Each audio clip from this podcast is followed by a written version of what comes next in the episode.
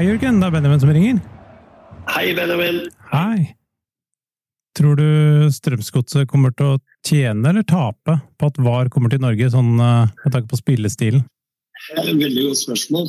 Uh, og Der tror jeg ikke det er noe fasitsvar. Men det er klart at uh, jeg håper og tror at det vil gagne oss. samtidig så har jeg vært av forskjellig oppfatning av hva, VAR det kan gi norsk fotball og fotballen generelt. Altså, jeg er litt delt der. For det er klart jeg har jo vært supporter i mine yngre eh, dager. Det er klart Synet på VAR forandrer seg litt eh, ettersom man eh, har en annen rolle i fotballen. Hvem er den eh, snilleste på laget?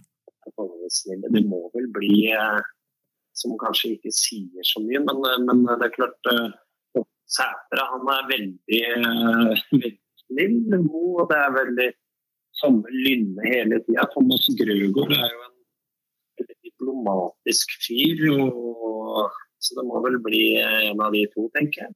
Hva er uh, favorittlaget ditt å slå? 30-50. Mjøndalen.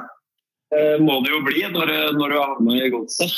Hvem er den eh, mest undervurderte ansatte i klubben din? Alle sier si undervurdert, for det er klart at jeg har vært tre måneder i klubben, så det er liksom litt vanskelig å sette seg inn i alt som blir gjort til enhver tid, og hva andre folk sier om det. Men jeg tror de som er utafor Drammen, uh, tror jeg ikke er klar over uh, hva slags jobb som blir lagt ned av markedsavdelinga.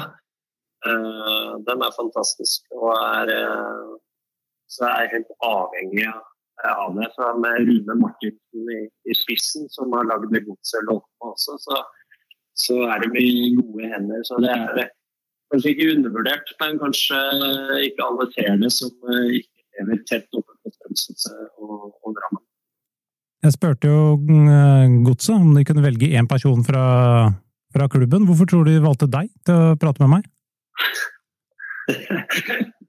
Jeg ønsker vel å markedsføre nye hovedtrenere. Så eh, det kan jo ende med det. Så tipper jeg de, sånn, som de har blitt kjent med meg, så, så liker jeg å prate med folk. Eh, jeg liker å by på meg sjøl.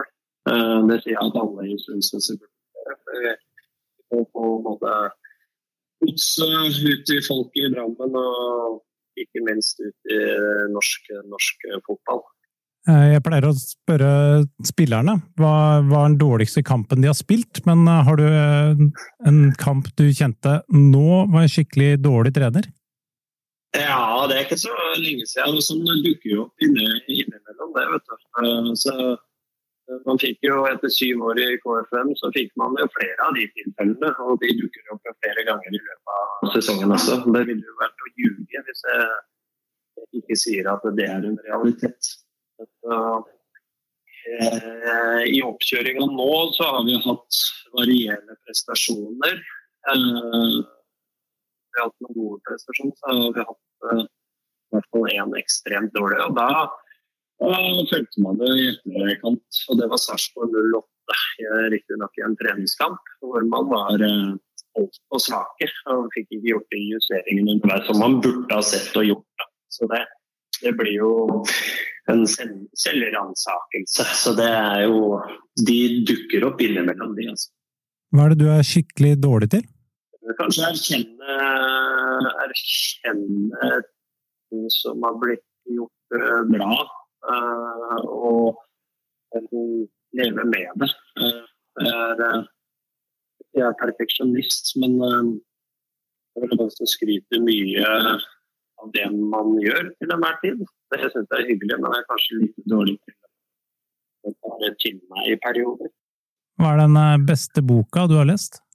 Det er jo Jeg er ikke noen bokorm, jeg ikke. Jeg er veldig glad i, i biografier da, som jeg kan bli min, min jobb. Um, sist jeg leste, var vel biografien til uh, fantastisk. Uh, jeg har jo lest biografien til Nils Arne Eggen også, som var mitt store forbilde for en, en del år tilbake. Jeg vil si at uh, sjangeren biografier er det som treffer meg mest. Da.